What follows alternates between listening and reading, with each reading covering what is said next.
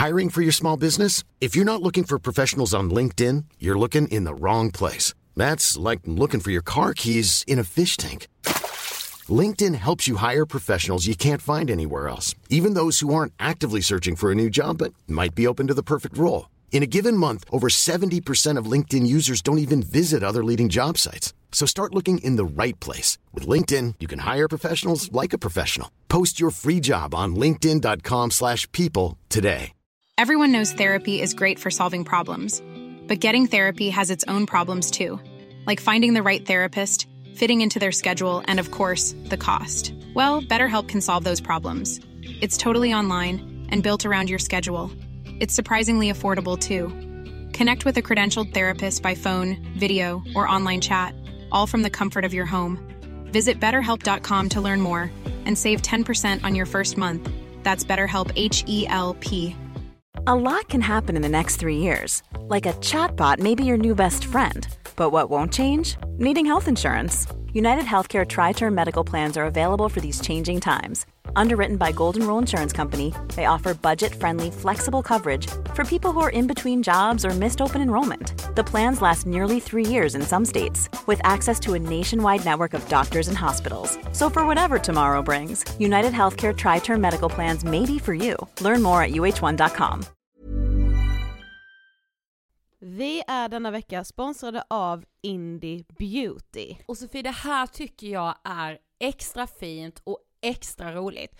Ja men Indie Beauty är ju ett skönhetsvarumärke som jag tror att väldigt många känner till, men det jag älskar mest det är att Indie Beauty liksom vill vara mer än bara produkter, vilket de ju också är. Exakt, Indie Beauty står ju för Independent Beauty, skönhet på dina villkor och för din egen skull. Och Indie Beauty tror ju stenhårt på ett alternativt skönhetsideal fritt från måsten, skam och känslor av otillräcklighet. Där är jag helt med Indie Beauty. Jag med. Det är så jag vill att skönhet ska vara. Ja men verkligen. Och vet du vad som är nytt för i år Sofie? Berätta. Från och med i år så skänker Indie Beauty 1% av sin försäljning till Suicide Zero, Tjejzonen och Djurens Rätt. Så när man handlar produkter från Indie Beauty så kan man liksom känna att man också ger tillbaka till samhället. Ja, kraften i tillsammans. Ska jag säga en sak nu då, Mm. som jag, det, men det är detta jag är extra glad över. Nu har Indie Beauty tagit fram en keps och den tycker jag ändå så på sommaren, skydda sig från solen, Jättebra, jag älskar kepsen. men det bästa, de bidrar till Suicide Zeros viktiga arbete för att minska antalet självmord och självmordsförsök. Så för varje såld keps så går hela vinsten, 100 kronor, direkt till Suicide Zero. Då kan man liksom göra nytta både för samhället och sin hud på en och samma gång. Ja, och kepsen kostar 169, men alltså hela vinsten går då som sagt till Suicide Zero. Så om man vill göra skillnad när man är där ute i solen, nu när den börjar titta fram, då ska man välja den här kepsen. Den säljs exklusivt på indiebeauty.se och på Apotea. Tillsammans kan vi skapa en ljusare framtid. Vi ses med kepsarna på! Tack Indie Beauty. Vi är sponsrade av Mindler och som ni säkert vet sedan tidigare så är vi ju ute på psykologresan tillsammans. Men hur vet man egentligen när det är dags att söka hjälp? Ibland uppstår saker i livet som kommer utmana oss och kännas tufft. Det mesta självläker vi oss igenom, för vi är menade att ta oss igenom en viss mängd påfrestningar. Men ibland behöver man professionell hjälp för att ta sig ur jobbiga perioder i livet. Men vart går då gränsen? Vad är en del av livets skavighet och när är det läge att söka hjälp? Det sägs till exempel att stress är farligt, men att det också kan vara bra. Alla sover dåligt ibland, så när har man egentligen sömnproblem? Ångesten kommer väl krypande för de flesta någon gång. Så när ska man se ångesten som outhärdlig? Hur vet jag? Med oss som psykolog har vi såklart min gamla psykolog Linnea Seidbrant. Men Linnea, vad är egentligen utmattningssyndrom? Utmattningssyndrom är en konsekvens av svår och långvarig stress utan möjlighet till återhämtning. Vi är ju då skapta för att klara av stress, men vi behöver också återhämtning. Om du utsätts för för mycket stress under en lång period utan att du får till den nödvändiga återhämtningen så kommer kroppen till slut att säga ifrån. Och det är faktiskt så att alla har en gräns. Du kan drabbas av en rad fysiska eller psykiska besvär som trötthet, sömnproblem, hjärtklappning, besvär från magen och tarmarna och mycket annat. Och det här är ju då varningssignaler och tecken på att du kan behöva göra någonting åt din situation. Annars så kan besvären utvecklas till att du mår så dåligt på sikt att du blir psykiskt och fysiskt utmattad. Ladda ner Mindler till din telefon och läs mer på mindler.se.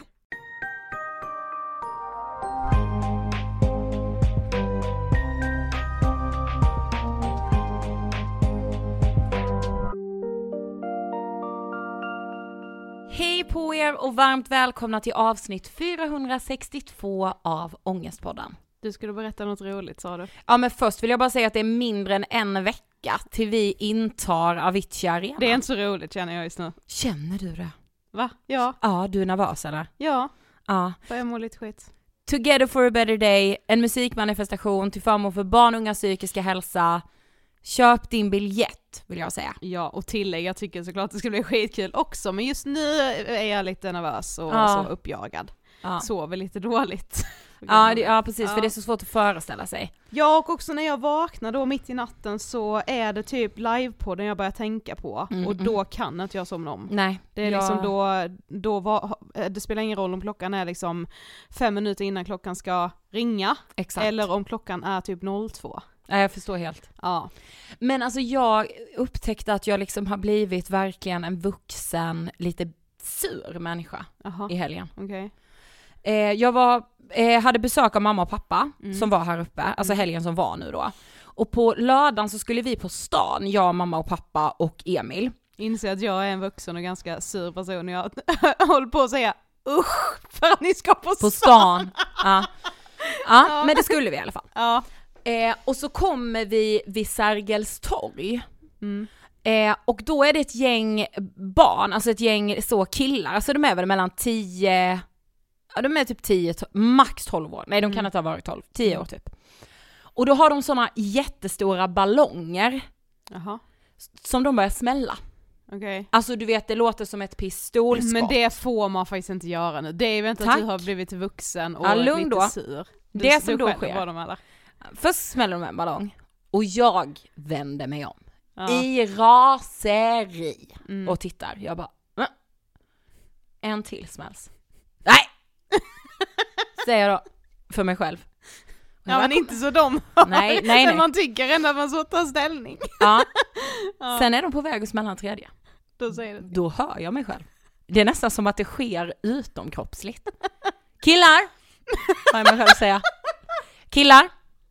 Och då är det en av killarna, två killar som är i närheten, de tittar ändå Men på vadå, mig. hur nära är ni dem? Ja men då står jag öga mot öga, så nära. Vadå, men har du gått fram då eller? Ja de, men de har med börjat gravitera liksom mot där, där vi Det blir då ändå, det sker naturligt att Ja, ganska. Ja. Killar!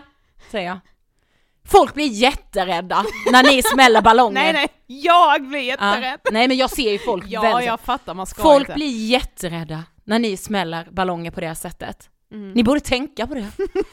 och den här ena killen då, han hoppar då framför mig och gör peace-tecken. Ja, jag trodde han- du skulle säga, han hoppar då på den tredje Nej, ballongen. han, men nej de smäller inte mer ballonger efter det, men han hoppar framför mig och gör peace-tecken. Aha. Så vi är ju nära på bara, din lilla jävla. Ja, men det var väl ändå en det gör bra tillsägelse tycker jag. Ja, jag fick så mamma och pappa och Emil var så bra, jättebra gjort. Och det är en Mm. annan tant också som också stämmer in med mig där hon bara, man blir rädd, Ja. säger hon. Mm. Eh, men då tänkte jag så, gud, alltså i deras ögon är jag nu så Susanne 45. Ja, jo jo. Ja. Mm. Alltså att jag är den personen Ja. kan ju inte jag identifiera mig med. Mm. Men jag inser att jag är det, alltså jag blir ju vansinnig. Mm. Och du vet jag börjar också mumla för mig själv, ja de har inte föräldrar som har uppfostrat dem. ja. ja. eh, så det har hänt mig. ja, kul. Jag tyckte det var bra att du sa till. Mm, ja, det Mm. var väl det. Ja. För det är ju inte okej. Nej det är det verkligen inte, speciellt inte nu, man ska inte hålla på med så höga smällar. Nej men blir ju, Ja. usch säger jag. Mm. Ja, hur som haver, idag har vi med oss en gäst vars liv är lite som en film nästan. Ja. Vi har med oss Karl, eh, känd som livvakten Karl. Yes. Eh, och han är ju aktuell med boken Livvakten Karl, kampen mot mig själv. Ja, och det här är en story från barnsben till att bli livvakt, från att skydda personer till att själv behöva bli skyddad.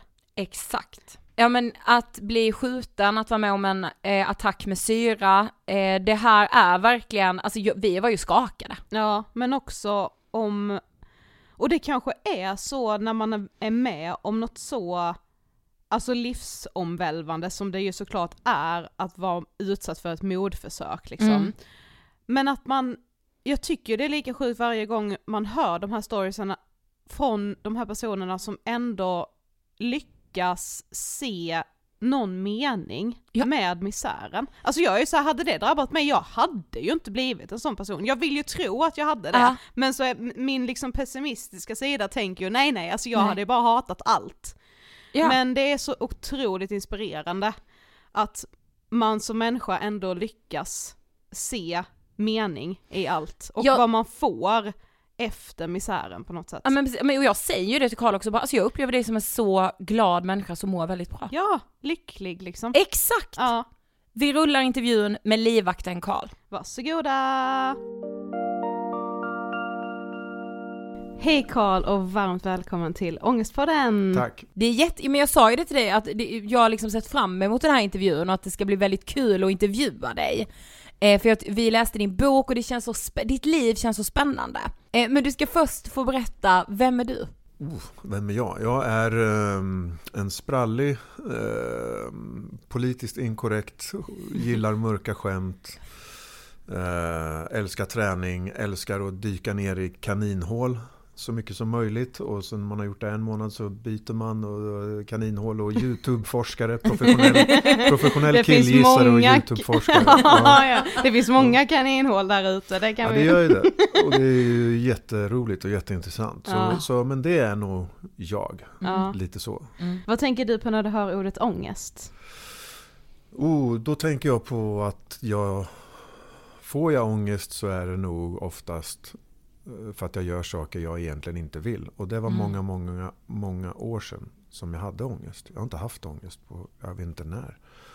Men eh, det var nog förknippat med en tid när jag inte riktigt hade syfte, fokus, inget mål och jag agerade inte medvetet på livet utan på livets villkor. Utan jag följde med lite mer som en omedvetet eh, reagerande på livet och hamnade i situationer som gjorde så att det här vill jag ju inte. Det här mår jag mm. inte bra av. Därav ångest. Mm. Och när jag verkligen tog tag i det och fick ner mitt liv på pränt och sen varför är jag här? Vad är jag här för? Vad är mitt ja. syfte? Och sen började jag agera enligt det. Sen dess har jag inte haft ångest. Mm, typ. det. För det blir lättare att sätta gränser, det blir lättare att sätta ner foten, det blir lättare att säga nej det här vill jag inte. Och allt det där som man hamnar i om man inte riktigt vet. Liksom. Mm. Ja men exakt. Ja, så det, och jag kanske feltolkar ordet ångest men det är där det betyder för mig. Men, ja precis. Ja jag tror väldigt många kan relatera till just det att vara på fel plats i livet på något sätt. Och ja. det är det som ger en ångest men det är kanske är svårt att sätta fingret på det när man är i det och lättare att peka på det liksom när man har kommit ur det, tänker jag. Ja. Men du, du är uppvuxen i Örebro. Mm. Hur ser du tillbaka på uppväxten där? Fantastisk. Jag hade världens bästa uppväxt, tycker jag. Jag hade två föräldrar som var hemma, båda jobbade. Jag hade en eh, stora syster. Vi var en träningsfamilj. Eh, jag hade promenadavstånd till skolan. Mm. Eh, massor med kompisar, massor med sport och kvällar med brännboll och fotboll, tennis och så vidare. Så ja, min uppväxt var jättebra. Mm. Uh, två närvarande föräldrar som var, som var nej, men jag, nej, jag kunde inte ha haft bättre. Mm. Faktiskt. Och det är väl det som har satt grunden i mig mm. också. För att kunna ta mig an tuffare saker sen. Liksom. Att jag ändå har känt mig ganska trygg i mig själv. Eh, och det är väl på grund av de här första 5-6 åren som är så viktiga antar jag. Mm. Har jag hört. Mm. Av, av, av, andra av era gäster som, ja, är, som, är, som, är, professionella på det området. Med anknytning och så vidare. ja, men, eh, ja, ja, men när du är ung så är din pappa otrogen mot din mamma. Ja, när jag, senare när jag blir tonåring. Ja, så där så strular det till sig lite. Ja, för hur tror du att det påverkade dig? Jättemycket. Ja, på och, vilket sätt? Ja, men han försvann. Eh, och det var lite drama och lite fram och tillbaka. Och det var väl den här perioden för mig när jag också försökte hitta mig själv. Och gå från ung pojke till att bli ung vuxen och senare man. Liksom, och lite eh, högt självförtroende men låg självkänsla och mycket mm. äventyrslystnad. Olycklig kombination just där och då kändes det. Men han försvann och eh, jag fattade inte riktigt varför i början och det tog jag hårt.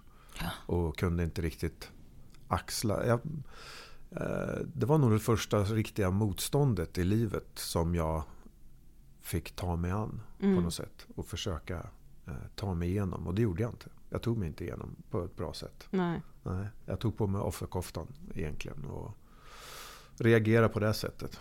Men hade du liksom något sätt alltså, att hantera känslorna som uppkom? Träna egentligen. Och då på den tiden var det väl tennis, fotboll, gymnastik och sen skateboard. Och sen var det mm. bara massa skateboard. Och det vart en jättebra sak att fastna i. För det var så fritänkande och bara tänka utanför lådan. Lite mer rebelliskt och, mm. och, och lite, mm, lite sådär adrenalinfyllt också ibland. Så där fick jag hantera mig själv. Mm. Mm. Men sen började du även på boxning. Ja, lite senare där. Ja. Och när jag hade trillat ner ytterligare i min eh, trappa ner där så, så eh, jag var i USA, åkte lite skateboard, jag hade sponsring och, och sådär. Och när jag var i USA så såg jag de här skateboardproffsåkarna och såg deras liv på riktigt. Inte hur det var i skateboardfilmerna som var så heta i Europa. Mm. Så såg jag, men det här fanns det inte så mycket framtid i. Och så när jag kom hem från USA så kände jag att men det här, nej, jag är klar med det också. Och då så är jag oftast. att när Jag gör någonting väldigt mycket och sen när jag inser att men, eh, nu blir det mer av samma, inte så mycket utveckling. Det är roligare att vara nybörjare på allt. Då klipper jag bara. Och så börjar jag mm. med något nytt så jag får vara nybörjare igen. Mm. Så jag kom hem från USA och där och då så kändes boxningen. För då började det bli nattklubb och 17-18 och, och, ah. hela den där svängen. Mm. Och då skulle jag försöka klä på mig lite eh, mentalt skydd med muskler och lära mig att boxas. Liksom. Mm. Ja. Så, så kan jag se tillbaka på det, att det kan ha varit. Så då var det boxning för hela slanten ett tag. Mm. Ja men och du blev ju väldigt bra även på boxningen. Du började ju tävla. Och... Ja, jag kunde ha blivit bra. Ja. Jag, jag, hann, jag hann inte liksom gå uh, så himla många matcher. Det vart några stycken och det gick bra. Och jag hade liksom Många sa det här kommer att bli Du, du kommer att bli, du är nog borstad diamanter hit och dit. Och mm. sen så eh, tog det ett abrupt slut då, helt plötsligt. Precis, för innan en tävling så känner du en konstig smärta i ryggen. Ja. Vad är det liksom som händer? Där? jag hade jätteont i ryggen och jag kunde inte egentligen slå ett slag. Och så gick jag till kiropraktorn och då skulle han sträcka ut mig. På den tiden, det här är ju länge sedan, mm. eh, 95 kanske. Då hade de en sån här lång bänk som man spänner fast sig i. Och så drog man ut kroppen så. Ah. Ja, på någon vänster. Och så sa han, men nu får du inte träna mer och du måste vila en vecka eller tio dagar. Och eh, det gjorde jag inte. Så jag eh, gick ut och sprang direkt och så fick jag en hälseneinflammation i foten som inte gick över. Som blev värre och värre och värre. Och värre då. Så hela kroppen blev inflammerad till slut. Mm. Och då sökte du liksom hjälp för det? Ja, ja. ja. det tog ett tag. Och jag försökte ju boxas och jag försökte leva som vanligt men det gick inte. Mm. Eh, och till slut fick jag ta hjälp för att sätta på mig kläderna och sådär. jag kunde inte knyta skor, jag kunde inte knyta hjul, eh, liksom, vad heter det? Knäppa, knäppa, knäppa upp gylfen och mm. sådär. Och, för jag hade så inflammerade händer och fötter. Och så till sist las jag in och då fick jag diagnosen ledgångsreumatism. Mm. Oh. Så tog, då tog boxningen slut ganska fort. Mm. Ja. Och hur gammal är du då när du får alltså, ledgångsreumatism? 26 tror jag. Ah. Ja, 26, 27. Där någonstans. Jag hade gått med det något år, ah. eller några år utan att veta om vad det var. Och bara hanterade det med smärtstillande och kört igenom alla fall. Liksom. Mm, Men till slut så gick det inte. Nej. Nej. Men hur var, alltså, vad var känslan då? Var det liksom någon slags uppgivenhet eller vad, vad upplevde du? Ja, jag tänkte, ja, de, när jag fick diagnosen och jag lades in på sjukhus några dagar tror jag och tog massa blodprover. Och, för de visste inte vad det var för fel på min kropp. Och då Eh, när de sa det att jag skulle börja på såna här cellgiftstabletter och mm. massor med antiinflammatoriska grejer som är tuffa för kroppen. Så, ja, och så får du ju såklart psykologsamtal eller samtalsstöd och sånt där. Men varför då? Det, ju, mm. det här kommer ju gå över tänkte jag. Så mm. ja, jag fokuserar mera på att det här är någonting man kan gå igenom och så kör man ändå. Ah, ja. Men så blev det ju inte. Det gick ju inte. Ehm, och, men det var, det var ändå bra för att det var liksom nästan droppen till att jag skulle nå min personliga botten. Att mm, få den här mm. diagnosen. Samtidigt som resten av livet höll på att ramla isär lite mer. Det går jag in med på i boken men, mm. men det var fler saker runt omkring mig som hände. Och det var stökigt och jag hade träffat eh, nya vänner och vänner som mådde lika dåligt som jag. Och det blir ofta en dålig kombo. Och, eh, Nej, men det slutade med att jag, jag kraschade egentligen. Mm. Både mentalt och fysiskt. Ja för du började ju festa väldigt mycket här. Du mm. var ute mycket och jag vet att du mm. skriver i boken att så här, plötsligt så kom jag hem samma tid som jag innan hade gått upp på morgonen. Det mm. var liksom mm. eh, väldigt sena kvällar. Eh, ja. Hur såg livet ut här egentligen? Men, eh, jag jobbar ju delvis på nattklubbar då också. Och mm, det var både jobb och mycket fest. Och jättemycket kul. Men det var, det var bara kul i början på festen och sen blir det mer destruktivt. För mm. Vi festar ju inte som alla andra utan man festar ju mer då på den tiden för att kanske fly in i någonting istället för att fejsa sig själv. Ja. ja. Och då blir det ju inget bra. Nej. Så lite så var det. Men, men när du då liksom, ja men som du säger då, så han når någon slags botten. Eh, och då kommer du, du bli introducerad för tolvstegsprogrammet. Berätta om det, hur, hur var det? Uh, jag visste inte om vad det var överhuvudtaget. Utan det var en granne som jag kände lite sådär som jag träffade ute på nattklubbarna. Och han var alltid nykter. Och sån ett klipp i blicken som man inte... Man, man man kan nästan se, nästan som nyfrälsta fast de är inte frälsta. Utan de har bara de är mera så här, ett med sig själva om man har gjort, gått igenom stegen, man vet vem man är och man vet vad man är bra på och dålig på. Man är trygg liksom i ja, sig själv. Mm. Väldigt trygg. Eh, så jag sprang på honom och han såg väl att jag sökte någonting annat för jag hade provat. Eh, jag hade gått till samtalsstöd, jag hade gått till psykoterapi, jag hade gjort, gick och träffade en präst. Det var väl ingenting som riktigt funkar på mig.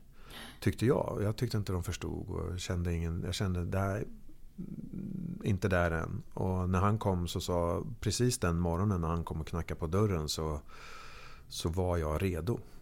Eh, bara de fem minuterna som han kom dit. Mm. Inte, hade han kommit en halvtimme tidigare eller en halvtimme senare då hade jag knappt öppnat dörren och jag hade definitivt inte följt med. Nej. Så det var någon sån här jag vet inte vad det är, men det var meningen. Ja, precis. Det var en sån extrem timing. Mm. Eh, så sa men häng på och träffa lite kompisar. Och så gick vi och träffade lite kompisar. Det är bara att de satt i en ring och ja. pratade känslor och rädslor och sådär. Och så när jag satt där och lyssnade och så kände jag bara att det släppte ah. på något vänster.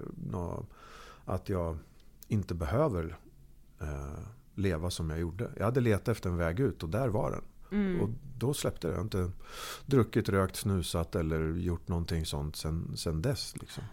Eh, aldrig. Det är ju 23 eller 24 år sedan nu. Och, och det var inte att jag behövde liksom ta i och jag ska sluta och jag ska ändra. Det bara de bästa förändringarna blir när man får insikter om någonting. Ja, en djup mm, insikt mm, om någonting. Mm. Och det fick jag. Jag fick en djup insikt om att jag behöver inte, det finns ett annat sätt att leva.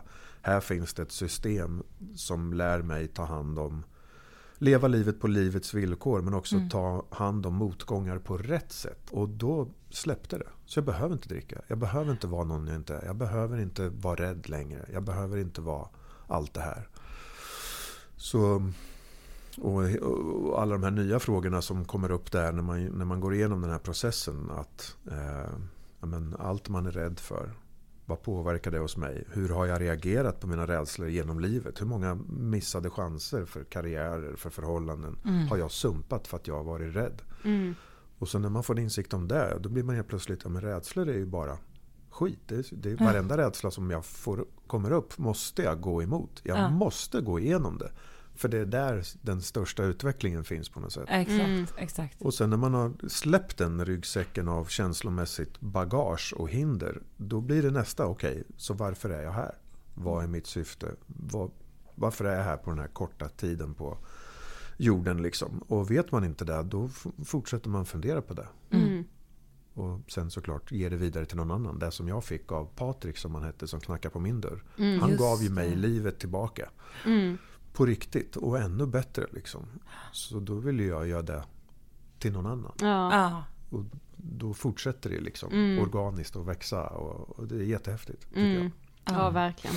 Ja, för du, alltså ditt liv blir ju ändå ganska förändrat får man ändå säga, för du söker dig till livvaktsutbildningen. Mm. Eh, hur kommer det sig? Um, ren händelse, för efter det där då och jag blev eh, jag träffade mig själv i det där tolvstegsprogrammet kan man säga. då, Och så, eh, det första blev ju så här, okej, jag kommer inte att kunna leva på min sport. Insikt 1. Också, Ja, att mm. jag kommer inte att bli proffsatlet, fine. Men jag måste ändå bygga upp kroppen igen för en reumatisk kropp är väldigt beroende av att inte ledytorna ska slitas mot varandra hela tiden. Så ju Ah. mer muskler du har, desto bättre. Ja, Men du måste lägga på dig muskler på ett sätt som inte sliter på lederna heller. Ah, mm. Den biten sket jag i. Så, okej. så jag började träna mm, jättehårt och mm, liksom få igång kroppen igen fast på ett bättre sätt än boxning. Mm, Kanske, mm. För mig. Eh, och då av en händelse så jag började jobba som personlig tränare och sen av en anledning så var jag nere på Strand Hotel på Öland, Borgholm Mm. en, en sommar och såg kungens livvakter jobba där. Och såg också, träffade också en, en kille eh, som heter Johan som var kommersiell livvakt utomlands. Så då fick jag sitta och prata med båda världar. Dels den eh, ja, men Säpos livvakter, hur blev de där och vad var Ja. stegen dit och hur jobbar de? Och, och sen prata med den här kommersiella killen som heter Johan då, som var utomlands. Men hur, hur är hans livvakt? Och de skiljer sig lite grann de här två världarna. Ja, vad är Mm. skillnaden? Ja, men sk- skillnaden är nog... mm, Det finns mycket skillnader. Men eh, skillnaden på till exempel... Men Säpo har ju statsskicket, regeringen, Mm. kungahuset. Kommersiella världen har de som har väldigt mycket pengar. Mm. Eh, inte myndighetspersoner oftast. Utan kan vara journalister, kan vara forskare, kan vara miljardärer, kan vara kändisar, rapstjärnor. Men mycket företagsledare. Ja. Så allting som har med näringsliv att göra egentligen. Mm. Ja, ja, ja. Mm. Och sen är det skillnad på att ja, men, eh, militära och eh, polisiära personskydd eller livvakter får jobba under andra förutsättningar för att de har andra lagstöd att luta sig mot om Mm. det händer någonting. Och de har nästan och de har alltid vapensystem på sig.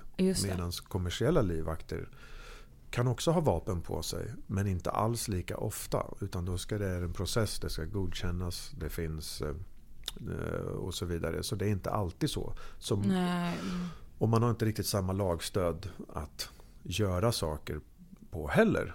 Men taktiken är densamma. Men man får jobba lite annorlunda för att man är eh, man måste vara mer förberedd för att eh, det är viktigare för oss att fly och se hotet först Ja, än att vara tvåa mm, och, och liksom luta oss på att vi kan stanna och möta ett hot. mm. Ja, mm. För det kan vi inte Nej. kanske alltid. Just Utan det. då måste man tänka och planera på ett litet annat Så de skiljer sig nog lite granna åt så. Ja. Sen finns det inga fackförbund kanske i kommersiella marknaden i London eller Paris. Det finns inga arbetstider eller och sådär. Utan du, det är mycket timmar. Mm. Ja, det blir en livsstil liksom. Mm. Ja, ja absolut. Mm. Och ju, Ja. mer, ju desto mer framgångsrik du blir, desto mer jobbar du och desto mindre tid för någonting annat. Mm. Ja, Ja, ja, men för du jobbar ju i, i London. ja. Och du har ju liksom varit livvakt åt, ja men väldigt liksom inflytelserika och, och rika personer. Kan du liksom hinta om några, får du säga några som du har varit livvakt åt? Alltså, av ren nyfikenhet så att säga. Ja, men oftast inte. Men, och vissa kan man ju prata om sådär som är... Här är den här grejen att man skriver alltid på sekretessförbindelser och Mm. sen om en klient dör, ja men då kanske det släpps. Men ändå så är det egentligen en ära att få ta hand om någons skydd om man vill in, absolut inte bryta det på något sätt. Eh, och sen finns det väl en annan grej att eh, det måste gå en tid innan man pratar om någonting med någon. För att den information som jag har om den skyddspersonen som kanske fortfarande har skydd idag. Min information som jag vet måste vara, Det kan- hinna bli irrelevant. Ja, Så att allt jag vet har förändrats för länge sedan. Så det spelar ingen roll att gå på mig. För du kommer ändå inte veta något relevant om skyddspersonen. Nej. Ah, just det. Så nu är det ju jättelänge sedan jag jobbat som livvakt. Det är ju sedan 2010. Liksom. Mm. Ja. Eh, Men jag kan säga, vad kan man säga? Ja, men jag gästade väl 50 Cent på ett kort eh, uppdrag. När han var inne i London och hoppade med i hans personskyddsteam. En kortis. Och, då, och, då, och det säger jag för att jag vet ingenting om honom. Utan jag var bara en gäst, gäst i personskyddsteamet över en helg. Aha, när han då var i så London. ingen ordinarie. Nej. Så, Nej. Mm. så de här dyker in till London och kanske i Paris nästa dag eller samma kväll och ner till Milano eller något sånt där. Och sen tillbaks till London på Mm. natten. Och så. De studsar omkring mycket när man har sin Europa eller vad man gör. Michael Jackson fick jag jobbet på men då försvann han. Mm. Så precis innan eh, de hade varit i London och satt yes, vi ska göra de här sista 51 konserterna på O2-arenan. Jag fick frågan om jag ville vara med i det teamet när de skulle komma tillbaka och genomföra de här 51 konserterna. Ja. Så absolut, det är inte riktigt min genre. Min genre var inte kändisar. För jag är Nej. egentligen lite så här för liten. För kändisar och offentliga personer behöver ganska ett avskräckande skydd. Man behöver vara lite större för Mm. att alla känner igen dem. Ja, så, så jag passar väldigt bra in i corporate America-världen, företagsledare. Och de vill ju allt annat än att synas med personskydd. Mm. De vill inte synas överhuvudtaget. Som Där ska du inte märkas liksom. Nej men precis. Mm. Det går inte idag med ögonlapp och sådär. Men Mm. det, det gick då. För då, jag var fortfarande inte mer än 1,81 och inte jättestor. Men jag kan, jag kan smälta in som vem som helst i kostymgänget. Mm. Just Det det. kommer 6-7 personer. Det är många bilar som parkerar. Och vissa är revisorer, vissa är jurister och vissa är andra chefer. Och så, så följer vi med. Ja. Sen vet ju de som är innersta kretsen att vi är vi och vad Ja, vi ja, egentligen klart. gör. Men Mm. alla andra vet inte det. För det är ingen som förstår om man står eh, på en restaurang eller står och drar en kaffe någonstans vem det där är. Nej, För exakt. de är jättekända i sin värld men de är väldigt okända i allmänhetens Mm. värld. Liksom. Mm. Så då är det ingen idé att synas. Det är bara onödigt liksom, att dra blickarna till sig. Ja, vi vet ju att vi har haft alltså, Säpo-vakter här på vårt kontor när vi har poddat med partiledare. Mm. Men vi kan ju oftast inte i efterhand säga vem det var som var Säpo-vakten. Nej, inte, Så- alltså, inte nå- för de är ju fler, alltså den som leder partiledaren in förstår man ju. Ja. Men sen har man insett att vänta, den personen var nog inte själv. Nej, precis. Ja, men så, och så är det ofta sådär att när man eh, man kanske har varit här veckan innan. Mm. Gått Ja. in och kollat lite grann. Ja, det och, har vi också hört rykten om. Ja, Alltså, har varit. Ja, och om man då känner sig trygg på att ja, men nu ska de in på de, den här personen ska till den här kontorsbyggnaden och ha ett möte. Okej, och så är man där och tittar och ser lite grann, kollar alla nödutgångar, räknar trappsteg och allt vad det nu är och planlägger mötes, hela det där köret. Mm. Och så kanske man tänker att ja, men när de kommer upp på plan ett här och går in här, då är det ganska säkert. Mm. Så vi kan släppa personen där och så kan vi hålla oss nere på gatan eller man kan hålla sig nere vid entrén Ja. och se om det kommer in några fuffens personer istället. Så en följer med upp, skannar, nej det är lugnt här, det är rätt folk, precis som det såg ut förra torsdagen. Ja, Ja. Vi var här. Mm. Så vi behöver inte störa, låt per- skyddspersonen bli av med oss för att man vill släppa på den här gummisnods, man vill släppa dem när man kan släppa dem. Mm. Ja, när de är innanför ett hyfsat säkert ställe, man kanske lämnar en kvar som sitter och fikar här ute, som Ja. finns där. Mm. Men annars så släpp dem. Och när, sen när det behövs, när man är ute på stan eller nattlivet eller vad det är, då måste man vara nära. Så man vill hela tiden eh, lite, jobba lite så. För Mm. att det är otroligt påfrestande att ha personskydd. Mm. Men gud, det måste ju ändå vara så svåra avvägningar. Alltså för er då som jobbar. Alltså det måste ju vara jättesvårt Ja, att veta. ja. Och det där, där kommer rutin. Och där kommer de här sociala och man lär känna en människa och när man blir riktigt intuned med en, man är med en klient länge Ja. så lär man sig dem precis. Så att jag Exakt. vet vad de ska Jag, jag känner på mig vad de, hur de ska klä sig dagen efter. Så när vi går upp på morgonen och syns så han bara Hur fasen visste du att vi ska vara liksom eh, dress down idag med liksom kakebrallor och t-shirt eller skjorta bara och gå i parken? Så bara, jag vet inte, men jag vet det. Ja, jag vet exakt. inte varför jag vet det. Mm. Så, så, så lär man sig dem och plus att man tar reda på allting. Man, man pratar med assistenter eller, och får reda på all information som man kan hela veckan. Ehm, Men blir man vän med sin klient? ehm, det där är, ja, det är en jättebra fråga för det där är svårt. Uh, Mm. Helst professionell vänskap tycker Mm. jag. I min erfarenhet så är det där svåra. Och jag kom för nära en gång. Må- Mycket av min karriär så var jag bra på att vara personlig men inte privat. För att du vill vara så pass eh, mjuk att du får in all information så att du inte blir den här jobbiga som står Mm. med armarna i kors Nej, och just allt det där. Det blir fel. Eh, men om du å andra sidan kommer för nära så att klienten pratar, berättar saker för dig som är för privata. Mm. De kanske har druckit en drink eller två glas vin och så dagen efter så ångrar de sig. Och sen helt plötsligt så blir du en risk för att du vet för mycket. Ja, så du vill inte sätta dig i den uh, sitsen heller. Så du vill inte komma för nära. Nej. Och blir du för nära och vän då blir du också lite... Då, då tappar du fokus på pucken, på, Ja. rätt, på rätt saker. För ni är inte där för att vara kompisar. Ni är där Nej, för att känna att, försöka få dem så bekväma som möjligt med dig. Vilket är så, eh, liksom, dit men inte längre. De ska Ja. vara bekväma med mig och känna sig trygga med mig. Men de ska inte anförtro sig till mig. Nej, just det. Nej. Mm. För jag ska inte heller anförtro mig till dem. Och, och, och är Gud vad intressant. är man för länge på ett kontrakt, då blir det där, kan det bli svårt. För att man är med om mycket också. Det händer mycket. Det går in, ja, nu är en riskbedömning och nu gick hotbilden upp på grund av det här. Liksom. Eller att du gjorde en exit, tjänar massor med pengar, du är på DIs framsida och du blir rädd. Man hjälper familjen, eller kan det vara, genom en sån process. Eh, det är jobbigt och man känner för dem Ja. och hjälper dem igenom det där. Så det är svårt att också dra ja, tillbaka. precis. Ja, så det är verkligen fingertoppskänslan. Men du bor ju ändå i London i flera år och beslutade dig till slut år 2009 va? Att flytta tillbaka till Sverige ja, igen. December 9. tror Ja, jag. eh, och en dag så eh, är du ute och går och går in på en frisörsalong och där träffar du Eva. Mm. Vad händer? Jo, men det, det, var, det gick ju fort och vi började dejta och det, det, vart in, det fanns intresse där snabbt då, så vi började dejta direkt Mm. kan man säga. Mm. Eh, och det gjorde vi. Eh, under några få veckors tid. Då.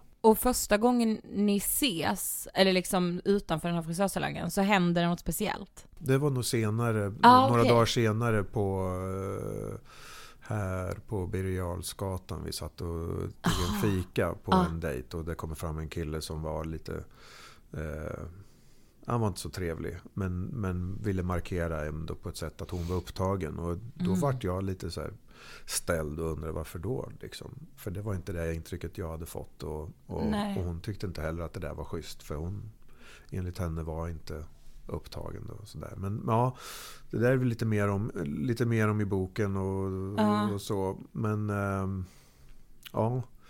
Eh, Men berättar Eva någonting om sitt ex eller liksom förstår Nej. du att det är någonting som är lite liksom konstigt? jag frågar inte så mycket. Nej. Och vi pratar inte så mycket om, om det direkt så. Eh, Det var så nytt och fräscht. Man, man pratar, jag vill inte vara sådär jättefrågvis om någons ex. Det är Nej, inte riktigt precis. det Nej, man vill inte heller om. vara och gräva i något som inte känns bra när allt annat känns så bra. Då vill man ju bara vara i den Ja, det, är härliga inte känslan. min, liksom. det var inte min liksom... eh, det är inte det man vill prata om. Man Nej. vill lära känna någon. Mm. Liksom, Ja, sådär. precis. Eh, Och jag hade mitt förflutet och jag ville inte heller prata inte så mycket om vad jag hade jobbat med tidigare. Det var inte heller intressant liksom och jag ville inte öppna upp för det heller. Så jag, vi hann egentligen inte riktigt lära känna varandra sådär. Utan det var fortfarande på, jaha, ja men kommer du därifrån? Kommer du, ja. Ja. Och sen när vi märkte att det, det skulle, att det fanns ändå någonting där att gå vidare med. Det var väl då som hon eh, uttryckte att det kanske är bra att träffa hans, hennes ex. Mm. Och då bestämdes den här tiden i parken då där jag tänkte att jag skulle gå in och göra ett gott intryck som, som man tänker att eh, om det är barn inblandat, för jag vill inte träffa barnen innan man visste att det här kommer bli någonting. Mm, nej, så just det. små barn vill man ju inte introducera folk för sådär he- helt apropå. Nej. Och så försvinner någon. Liksom. Så Nej, det men vill man ju exakt. vara, ha också stor respekt för. Så, eh, och det var väl därav att vi tänkte att ja, men det här kanske ska bli någonting. Vi kanske ska träffas med barnen. Ja men då måste vi kolla så att det är okej runt om. Och det, Mm. var, väl- det var så det där mötet kom till då. Eh,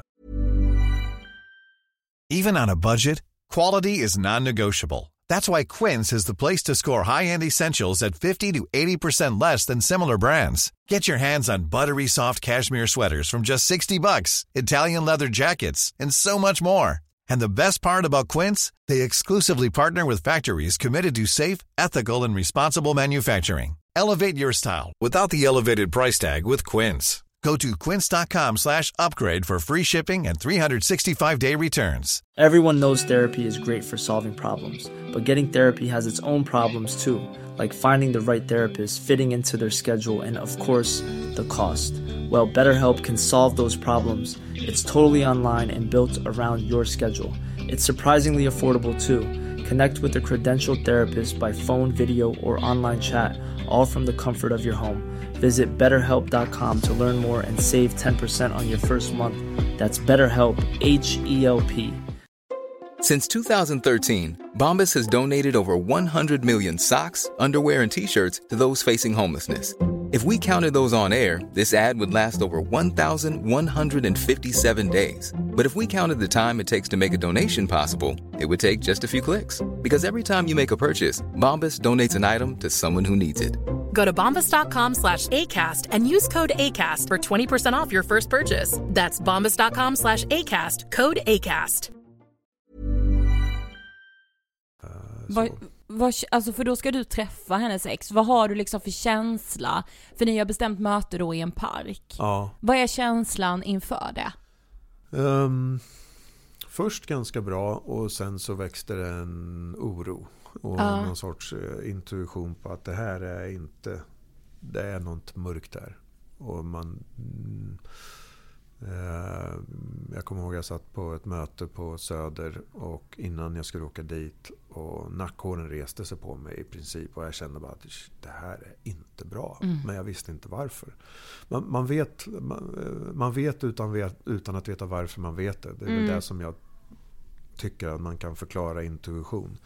Jag vet men jag vet inte varför. Nej. Ja. Just det. Som en tjej går in i en hiss och med en kille går in kanske och känns, ja, inga problem, känner ingenting. Man tittar på telefonen. Men sen en annan gång så kanske kommer in en person som bara, vad är det Exakt. här? Jag mår, det känns jätteobehagligt. Mm.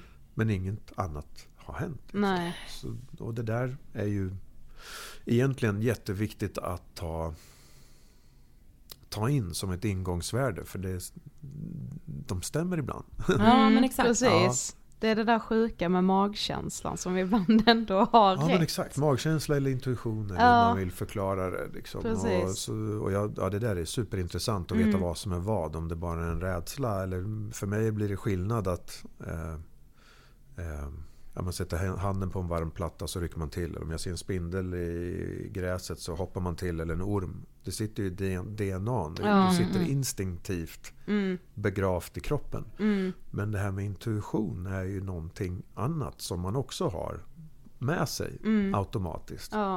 Eh, Det är bara det att man inte alltid lyssnar på den.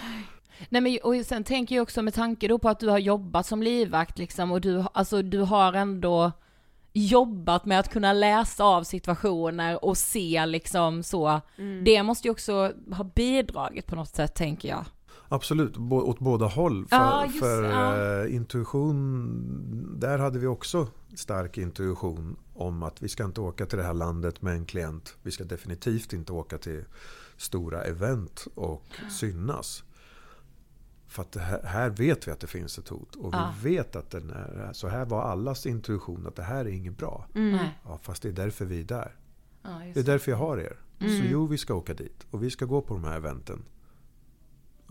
Ja, jo, det är sant. Mm. Men intuitionen finns där och magkänslan är där och man vet att det kommer att gå snett. Mm. Och så får vi planera för det. Så man, man tyvärr går kanske emot sin intuition regelbundet Ja. när man jobbar med personskydd. Ja. Ja. Skillnaden den här dagen var väl att jag inte hade ett livvaktsteam och jag hade inte gjort några rekar för att jag var privata Kalle och inte livvakten Karl. Och, Ja. Mm. och i mig så är det där ganska stora skillnader. Och man gör kanske ett litet arbete.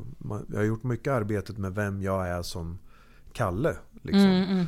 Och att ta fram min livvakts, livvakten Karls eh, profil så vart det en blandning av tävlingskalle eh, mest. Mm. För att han, jag gillar inte konflikter. Privata Karl gillar inte konflikter. Jag gillar inte konflikter överhuvudtaget. Jag gillar inte att bråka. Allt är enklast att prata sig igenom saker för att det är mest produktivt och effektivt. Eh, men men eh, tävlingskalle kan gå in och, och slåss i en MMA-bur. Mm. För det har inte med känslor att göra. Utan då Nej. är det teknik och det är sport. Och vinnarskallen. Just Så tävlingskalle och vinnarkalle. De två typ av mina eh, profiler. Om man, om man, om man eh, skriver ner alla sina olika typer av sig själv så har jag, jag, men jag är på ett sätt när jag är lillebror Kalle. Jag är på ett sånt annat sätt när jag är äkta man Kalle. Jag är gift idag. Ja. Och eh, chefen, mellanchefs-Kalle är en annan person. Så vi har massor med olika karaktärer. Exakt. Vi beter oss helt olika när man är i den rollen. Så när jag är MMA-Kalle ett tag. Ja, men det är en ganska tuff person som Ja. kan gå in och göra ganska jobbiga saker. Som privata Kalle inte skulle göra. Så jag valde tävlingskalle och vinnarskallen att fostras in i nya livvaktskarl. Den rollen. Mm. Ehm, och den här dagen när jag hoppade in i den här parken, då var jag privata Kalle som ville ge ett gott intryck. Och så jag tittade inte efter några bekymmer. Och jag ville inte se några bekymmer heller. Jag, ville, jag var fokuserad på att hade varit borta i tio år från Sverige och eh, när jag lämnade så fanns det inte så mycket skjutningar. Nej. Och när jag kom tillbaka så hade kanske Sverige förändrats lite grann. Då. Mm. Eh, Så jag, jag utgick ifrån London men jag var, bodde också i Paris. Jag var jobbade i Mexiko, Ryssland, Italien och runt lite tuffare städer och tuffare områden. Men när jag kom och flyttade hem till Sverige så kände jag Ah, vad skönt. Nu behöver jag inte oroa mig för här händer fasen ingenting. Men det, så var det ju inte. Liksom. Nej. Nej. För du hälsar ju på det här exet och han är lite så, ja ah, men kan du och jag gå undan lite och snacka? Och så gör ni det. Och vad hände sen? Ja, men han, för det första han var jättetrevlig och lugn och sansad och eh, tyckte jag. Och sen gick han tillbaka och sen då så kommer en annan person eh, bakom mig på håll och eh, ja, men går mot mig och där fick först då så slog den här livvaktsskallen till och sa ah, okej det här är för mig men vad? Jag fick inte ihop riskbedömningen att den här stora tuffa killen som jag hade precis träffat. Eh, han skulle kunna sagt till mig rakt av. Vi är inte klara med varandra. Backa undan. Eller annars. Liksom. Då hade jag nog gjort det. För vi hade inte egentligen startat på ett sätt. Så jag bara, men det finns fler. Jag är inte ute efter drama. Jag är så klar med drama. så, så, mm, så Ja, nej men så, så blev det inte då. Och den här killen som kom närmare och närmare eh, så tänkte jag men då borde det komma fler personer och kanske fyra, fem till och skulle omringa mig. Men jag fattar inte varför. För det hade ju räckt att den här andra hade sagt som det var på något sätt.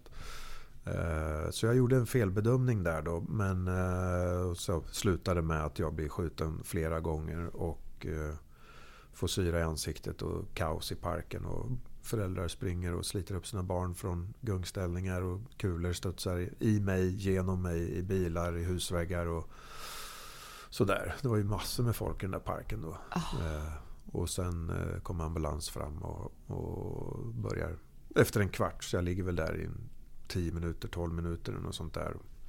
Ser ner på mina ben som pekar åt fel håll för båda lårbenen var avskjutna. Och eh, sen en direkt skott i knät och sen började jag ryka i ansiktet för att eh, syran kom, eh, kom där. Och, Ja. ja.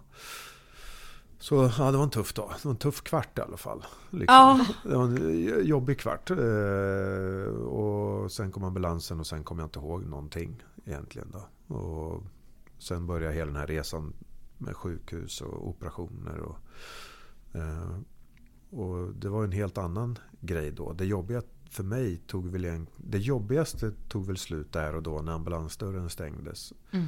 Och sen började ett nytt jobbigt på sjukhuset för jag hade så mycket morfin i mig. Mhm. Så jag var ju typ nedsövd och, men också eh, morfin direkt i dropp och var i ett sånt där rum med sladdar och moni- monitorer överallt och en kur där det sitter personal och övervakar mig dygnet runt. Eh, och då de här psykotiska dagmardrömmarna på morfin. Mm. De var nästan värre än skjutningen. De kommer jag ihåg nästan bättre än Ah. själva skjutningen. Eh, Så de, de var hemska. Eh, Så det var, nu så här, det var, var man inte heller beredd på. Nej, nej, nej. Ja, ja men så, så var det liksom. Mm. Men liksom hu- hur lång tid tar det, alltså förstår du direkt vad som har hänt? Eller alltså tar det lång tid, är du på sjukhuset flera veckor? Alltså så, Ja, månader. ja. Men jag var väl först på Karolinska och de spikade ihop knäna och sen fort till Akademiska Uppsala och där fick jag ligga för de var mm, väl bäst på brännskador och transportera hud från armarna och Just till ansiktet och, och sådär och låta den ramla av, den huden ramla av på rätt sätt också. Och så försöka hantera det och rädda så mycket som möjligt med, med allting vad de gjorde där. Och, och det var ingenting som jag märkte. Jag Nej. tänkte inte på det. Och jag förstod inte att mitt öga var sönderfrätt eller att örat var sönderfrätt och näsan och att jag hade fullt i syra ner i halsen och allt sånt där. Och, så jag var inte riktigt greppbar. Men det var, ja, men det var väl flera... Jag var väl på Akademiska under många veckor och sen lära sig att gå igen och börja träna och så forslas till ett annat sjukhus där mitt i natten. Eh, Så då fick man skicka personal till mig. Till det här ett nedlagt del av ett sjukhus. På helt andra sidan Stockholm gömde man undan mig. Då, så skickade man personal dit för att lägga om mig. Mm. Och så hämta eh, mig med personskydd och köra mig till ett sjukhus för ögat, ett för öra, ett för ansikte, ett för knäna. Så jag hade ju sjukhusbesök varenda dag. Ja. Och sen tillbaka till den nedlagda mörka korridoren och där jag fick husera själv då tillsammans med en livvakt som jobbade, som satt hos mig dygnet runt. Mm. Eh, En, Ja. en på dagtid, en på kvällstid. Alltså det var, det var en jäkla resa. Det Mm. var det. Det var, ehm, Men visst var det så att du också tackade nej till polisens personskyddsprogram? mm. Varför gjorde du det? För man, man ansåg ändå att du hade ett väldigt stort hot mot Ja. dig. Ja. Jo, och, och så är det ju nästan alltid fram till rättegång. Att det finns en, det finns en lucka där att påverka vittnen och sånt fram till domen vinner laga kraft. Mm. Och efter domen vinner laga kraft, då är det oftast över. Mm. Och de som fortsätter efter där, ja, men då, då är det en annan kategori av hot. Det kanske kan, ja, lite så. Men, men jag hade ju väldigt duktigt, men, duktiga människor runt mig. Jag hade med, med poliser och före detta Säpo-analytiker och jätteduktiga människor som jag hade chans att bolla med. Eh, Men samtidigt så var det ganska klart att jag förlorade tjejen, jag förlorade mitt utseende, jag förlorade Mm. min hälsa, min kropp. Och så fort jag vaknade upp så gjorde vi slut. Mm. Ja. Så vi ringde direkt och sa det finns ingen framtid i det här. Det är ju bara att släppa taget och lycka till till dig och lycka till till mig. Och så jag såg henne aldrig mer efter den dagen i parken. Var det självklart att bara bryta liksom? Ja, absolut. Ja, Mm. för Ja, er ja. båda? Ja, Ja. Ja det tror jag. Mm. Eh, bryta det som egentligen aldrig hade startat Ja. på något Nej, sätt. Så exakt. men det, det finns ingen chans att fortsätta på det här. Nej. Så, och då finns det ju heller inget incitament att fortsätta göra något mer. För hade man velat gjort något mer så hade man ju gjort det där och Mm, då. mm. Så det var ju egentligen i min värld klart. Mm. Eh, så min största drivkraft var ju på en gång att jag ska ta mig tillbaka till den kontext som jag hade byggt upp med. Jag älskade mitt jobb och firman jag var på och fick liksom eh, vara konsult och eh, bygga deras livvaktsutbildningar och jobba 8 till 5 och börja träna MMA igen hade jag gjort. Så för mig vart det en, en enorm drivkraft att jag ska tillbaka till mitt jobb, jag ska tillbaka till min ursprungliga plats som eh, affärsområdeschef personskyddet och tillbaka till träningskompisarna jag hade i Solna och, och allt det där. Så den, den drivkraften var enorm. Mm. Jag ska tillbaka till Mm. mitt liv. Liksom. Mm. Och så får jag väl kanske träffa någon annan längre fram. Men, Mm. Och det var också en insikt ganska fort när jag började se mig själv i spegeln. Jag, Ja. var, ja, jag var hemma hos mamma i, i, runt jul och då hade jag börjat kunna gå, jag kunde köra bil. Jag var utslussad och hade en skyddslägenhet som jag fick av polisen några veckor. Eh, vilka de gjorde ett fantastiskt jobb runt omkring. Eh,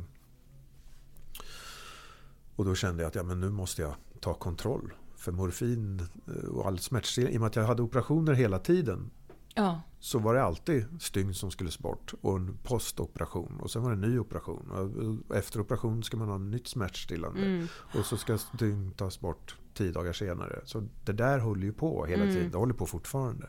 Ja. Jag opererade mig för två veckor sedan och jag kommer att operera mig igen snart. Så, så, så det här kommer ju vara work in progress liksom. Ja. Ehm, Men eh, då insåg jag att jag måste göra mig av med de här smärtstillande. För det, det skuggar mitt sätt att tänka och jag behöver ta kontroll över min egen berättelse och förhören som jag hade suttit i. Och vad har jag sagt? Jag hade ingen aning. Jag var på morfin. Jag måste, jag måste börja läsa mina egna förhör för att ta kontroll över vad, vad var sant för mig. Mm.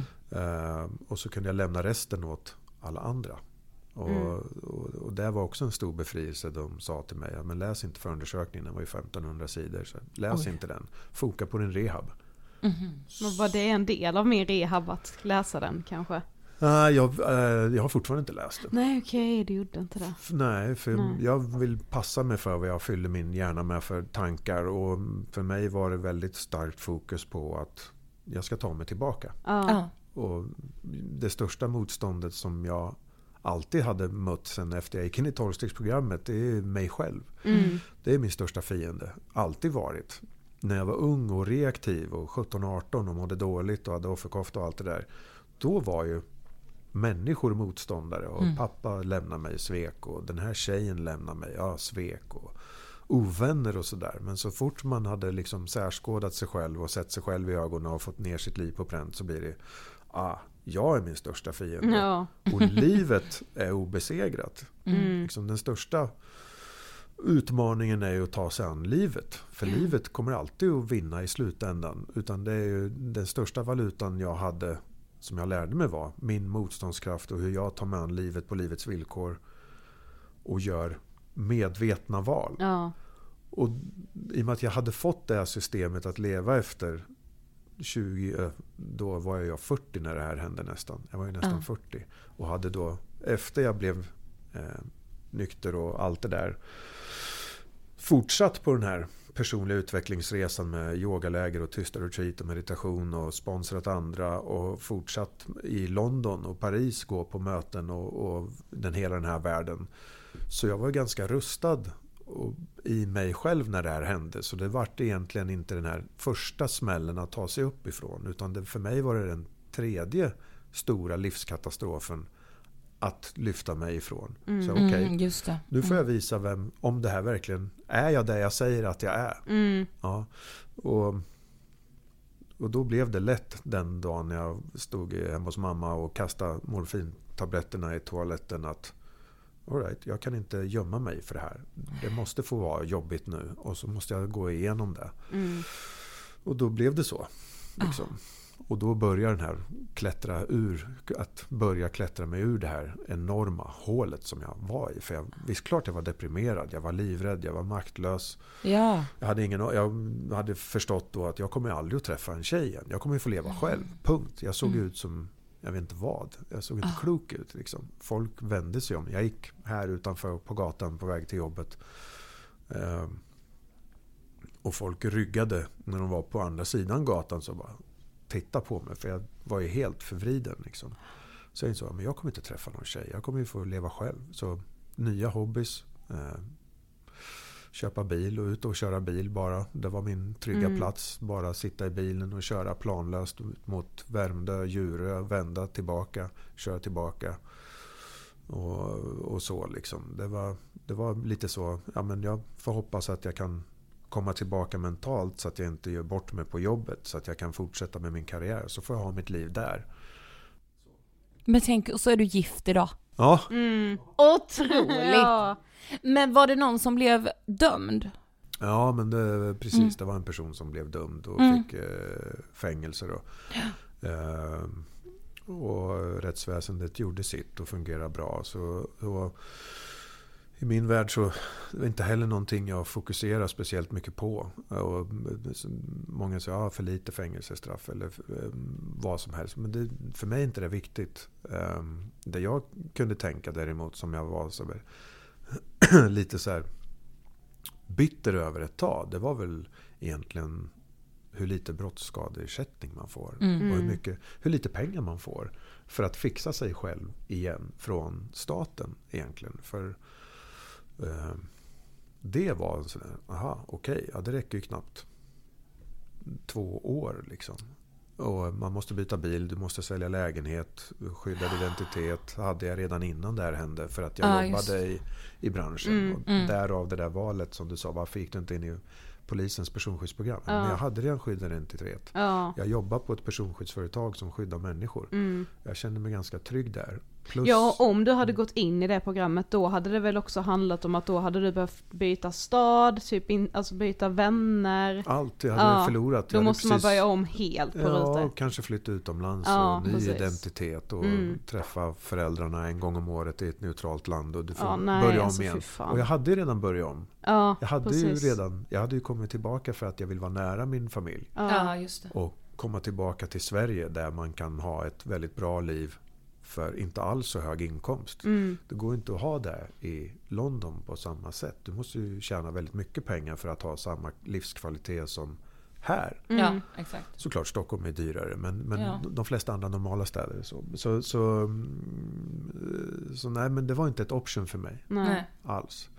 Ehm, ja. Men vad då menar du att liksom, för du nämnde här nu att du liksom opererades för två veckor sedan och ska göra det igen. Mm. Och det är ju över tio år sedan den här attacken hände. Ja. Men menar du att nu får du stå själv för dina operationer?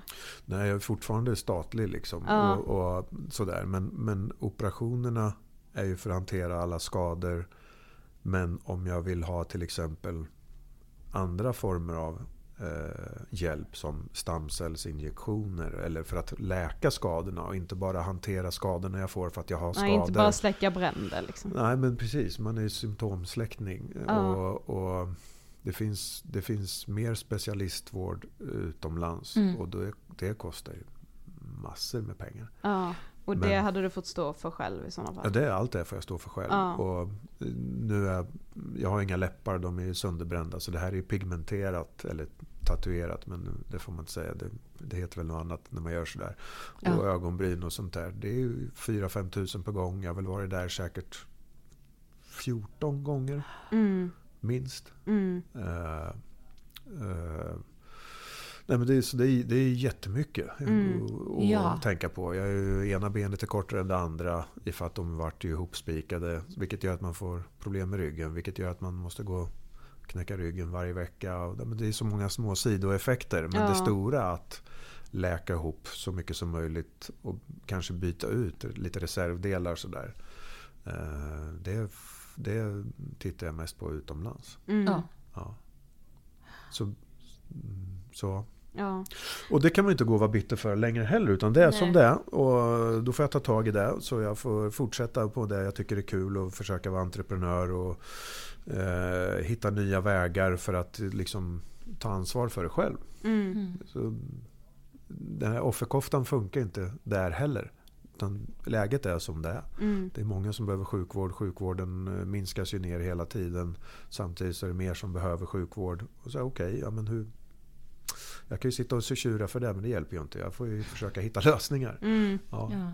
Ja, för hur mår du idag? Jag mår bra.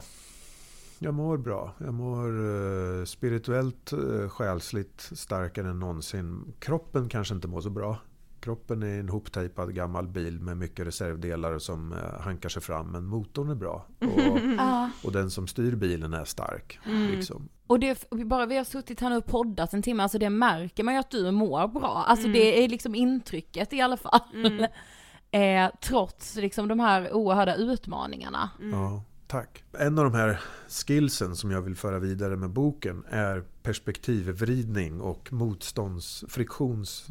Jag är en tvärtom-tänkande friktionssökande perspektivsvridare. Professionell perspektivsvridare. typ tre egna ord då som jag har märkt som mina framgångsfaktorer. Att för att känna mig glad så kan man inte söka om man lyssnar på Micke Dahlén och de här fantastiska människorna så pratar de om lycka mycket mm. sådär. Om du vill bli glad, försök inte bli glad. Gör någonting jobbigt så att du känner dig nöjd när du har gjort något jobbigt. Och bieffekten av att känna dig nöjd är glad. Ja, exakt. Just det, så det blir tvärtom. Mm. I livvaktsvärlden så, så är mycket på livvaktsskolan att lära sig att tänka tvärtom. Om ah, motståndet gör det här, vad gör vi då? Om jag skulle vara motståndare och spana på oss nu, vart skulle jag vara då? Alltså måste vi tänka ah. tvärtom i dubbla och tredimensionella och ibland fyrdimensionella led och tänka schackspel. Ah. Men som blir att motdrag på motdrag och ibland är det bästa motdraget tvärtom. Mm. exakt för att tänka det de tänker så tänker vi ett led till. Eh, ja, men så, så tvärtom. Och det vart ju också där på sjukhussängen när polisen sa men skyddsprogram, det är väl, nej nej nej, tvärtom. Jag ska mm. synas, jag ska finnas, det ska ja. gå att hitta mig. Uh, för det är över nu, för mig. Det är över. Mm. Jag ska tillbaka till mitt liv. Uh, friktion, jag tränar ju mer än någonsin. Även fast det kanske inte är det smartaste enligt läkarna. Men för mig är det det. Mm. För att jag förbereder mig också för, om, tänk om jag till och med blir pensionär en dag. Så kommer jag ha så jäkla ont i alla skador. Mm. Så jag måste bli, det är viktigare för mig att bli mentalt stark. Mm. Än, än liksom jobba på att bara simma hela dagarna. Utan jag måste utmana mig själv och bli så mentalt stark jag kan. Mm. För det kommer bli ännu jobbigare om om jag ska vara en sån person som min familj kan luta sig emot när de har det jobbigt så mm. måste jag vara stark. Mm. Uh, och perspektivförvridningen för mig som jag har lyckats med och som jag tror är min största framgångsfaktor är att jag, jag på något konstigt sätt så hittar jag mening med allt som händer. Uh, när mina föräldrar skildes och jag tog på mig den offerkoftan och mådde dåligt men tio år senare så insåg jag att mamma träffade sin livskärlek efter det. Mm. Pappa träffade sin livskärlek också. Så det vart ju jättebra mm. för dem. Mm. Så vem är jag att kontrollera och tycka och tänka liksom? När jag fick ledgångsreumatism så var det katastrof för mig. Men, men tio år senare när jag var livvakt i London så fick jag jobberbjudanden i oroshärdar där jag inte var tränad för. Det ska vara före detta specialförbandsmilitärer som har svidat in. Det är de som har den utbildningen att jobba i sådana. Jag hade reumatism så jag hade mina sprutor. Så jag måste ha nära till ett kylskåp. Jag kan bara jobba alltså i storstäderna i Europa. Jag kan inte ta ett jobb i, en, i någonstans där du liksom inte har tillgång till eh, civilisation eller mm, hotell. Liksom. Mm. Så det begränsade mig som ett ankare. Och hade jag inte haft det, då hade jag kanske varit död. Mm. Så tack vare reumatismen så fick jag en karriär och jag gav mig när jag var på topp. Och hade jag inte blivit skjuten så hade jag, eh, sen när jag kom hem så tänkte jag nu är det dags för Volvo, Villa och Vove. Och det var det som jag förberedde mig för. Men det tycker inte Gud, för Gud har humor. I alla fall när det gäller mig. Eh, så då 2012 mm, hände det. 2013, 2014 började jag väl se mig om. Liksom. Och så såg jag helt plötsligt på LinkedIn att en, min första personlig tränarkund Malin hade fått ett nytt jobb. Så messade jag henne på LinkedIn. Sådär. Och bara, kul, grattis till nya jobbet, hur mår du? Så sa han, jag är nyskild, jag har tre tonårstjejer, jag mår sämsta tiden i mitt liv, jag mår så jävla dåligt. Du då? Och sa, jag är nyskjuten. och också sådär tuff, mår inte så bra. Liksom. Det är liksom. lite uppförsbacke kan ja, man säga. Sådär. Och så sa hon va? Och så eh, kom hit, vi måste ta en kaffe. Och då råkade hon vara på ett hotell här på, i, vid Globen. Och jag bodde ju här runt hörnet på Östermalm. Eh, så jag åkte dit och så sa hon, du förresten, jag vill, inte bara, jag vill bara förvarna dig att jag är osminkad. Så det är nog inga problem. För så som jag såg ut då så såg jag ut som en, att jag hade slagits med en pitbull i mm. ansiktet. Mm. Jag såg ah. inte klok ut. Så när hon öppnade hissdörren så flög hon tillbaks in i väggen nästan. Och bara, hon kände inte igen mig. Mm. Men hon hörde rösten. Och så började vi prata och så vart vi vänner och vi hjälpte varandra genom varandras tuffa tider. Och det var inte helt enkelt. Eh, hon bodde inte här i stan. Och det var mycket att gå igenom och, sådär. Men det slutade med att vi gifte oss eh, 2019 då. Alltså då blir jag ju med så, ja det finns en mening med allt. Alltså, Det är svårt att inte se det. Ja, eller hur? För att jag hade inte haft det här fantastiska livet idag om det inte där hade hänt. Hänt. Nej. Ja. Så, så, så då är det meningen. ja, verkligen. Men finns det någon hotbild mot dig idag?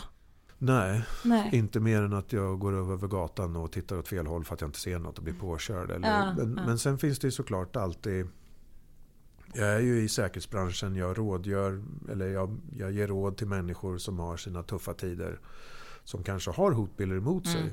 Så den världen finns ju alltid.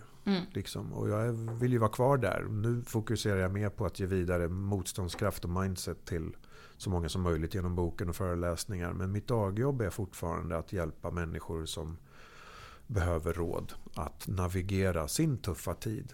Så, ehm, eh, så, och Sverige är väldigt litet. Är det. Det är en, vi är ju mindre i hela landet än en storstad i Europa. Liksom. Mm, och vi, är, vi har en offentlighetsprincip som är jättestark. Vi har en digital omställning som är stark. Vi har en transparens i samhället som är tuff för människor som har hot på sig. Mm. Eller som kanske bara jobbar med att delge allmänheten negativa besked. Tänk om du, så, så de har en tuff tillvaro och de behöver navigera rätt i det. För att det är, landet är för litet, stan är för litet och det är för lätt att hitta hem till någon och pressa folk. Just det. Så, så, så det finns utmaningar som jag känner att jag kan bidra med. Ja. Ja. Har det redan gått en timme? Ja, det har det. Oj! Vi har kommit till sista frågan. Vad inspirerar dig? Ehm, ja, men, eh, det finns några sådana här människor som inspirerar mig. Min, min mamma, min, min fru och, men också ungdomarna jag ser idag. De, deras mindset och deras... eh,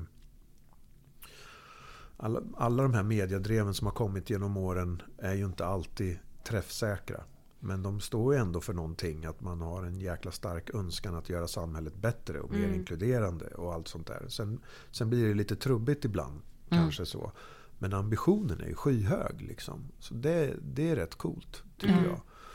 Eh, sen så är jag lite knäpp så. Och jag inspireras av såna här människor som eh, vill springa ett maraton på 32 mil i öknen och behöver läggas in på sjukhus och få dropp och sen skjutsas tillbaka dit de avbröt för att springa vidare.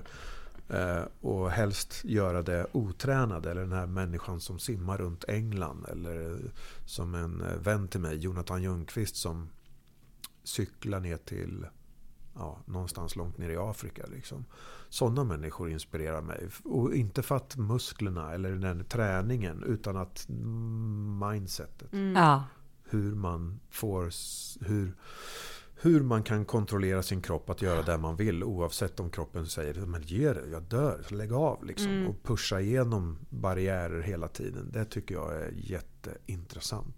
Så sådana människor tycker jag är häftiga att följa. Mm, den lilla Ja. galenskapen Ja. liksom. Och tjejer är fantastiska. Nu har jag börjat sim, eh, kaninhåla ner i, i det här som simmar från ö till ö. Eller som simmar eh, över hav. Jag menar från, eh, från England till Frankrike. och det Mm, verkar som att några av de absolut bästa långdistanssimmarna är ju tjejer. Mm. Ja, Som är, kan simma i flera dygn. Liksom. Åh, här. ja det hade inte jag glad. Över hav som har fulla med, med hajar. Liksom. Nej, det är Oh my! Eller hur? Ja det är ju häftigt. Vilka mindset. Ja, verkligen. Ja Karl, jag måste säga att du är oerhört inspirerande. Ja, Jag är verkligen. så glad att du ville gästa Ångestpodden.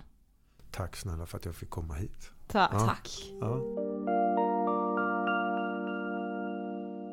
Ja men just det här som jag nämnde nu innan intervjun är att så, hade inte detta hänt, hade inte detta och detta Jag och detta hänt. Alltså att man ändå, det kanske är någon liksom överlevnadsinstinkt och försvarsmekanism som jag någonstans vill tro att alla människor har i sig. Men förstå också att ha jobbat så utsatt som Mm. Karl har gjort, alltså i form av att vara livvakt. Ja. Men då händer inte Nej, detta. nej. Det händer liksom när han, som han säger, är privata Karl. Exakt.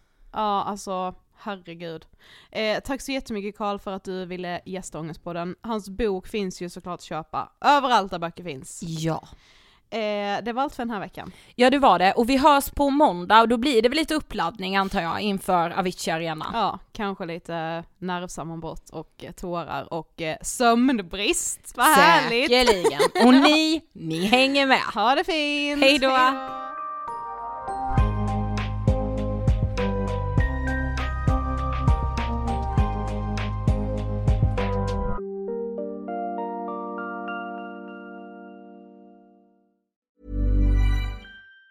Planning for your next trip? Elevate your travel style with Quince. Quince has all the jet setting essentials you'll want for your next getaway, like European linen, premium luggage options, buttery soft Italian leather bags, and so much more. And it's all priced at 50 to 80% less than similar brands. Plus, Quince only works with factories that use safe and ethical manufacturing practices. Pack your bags with high-quality essentials you'll be wearing for vacations to come with Quince. Go to quince.com slash trip for free shipping and 365-day returns. Planning for your next trip?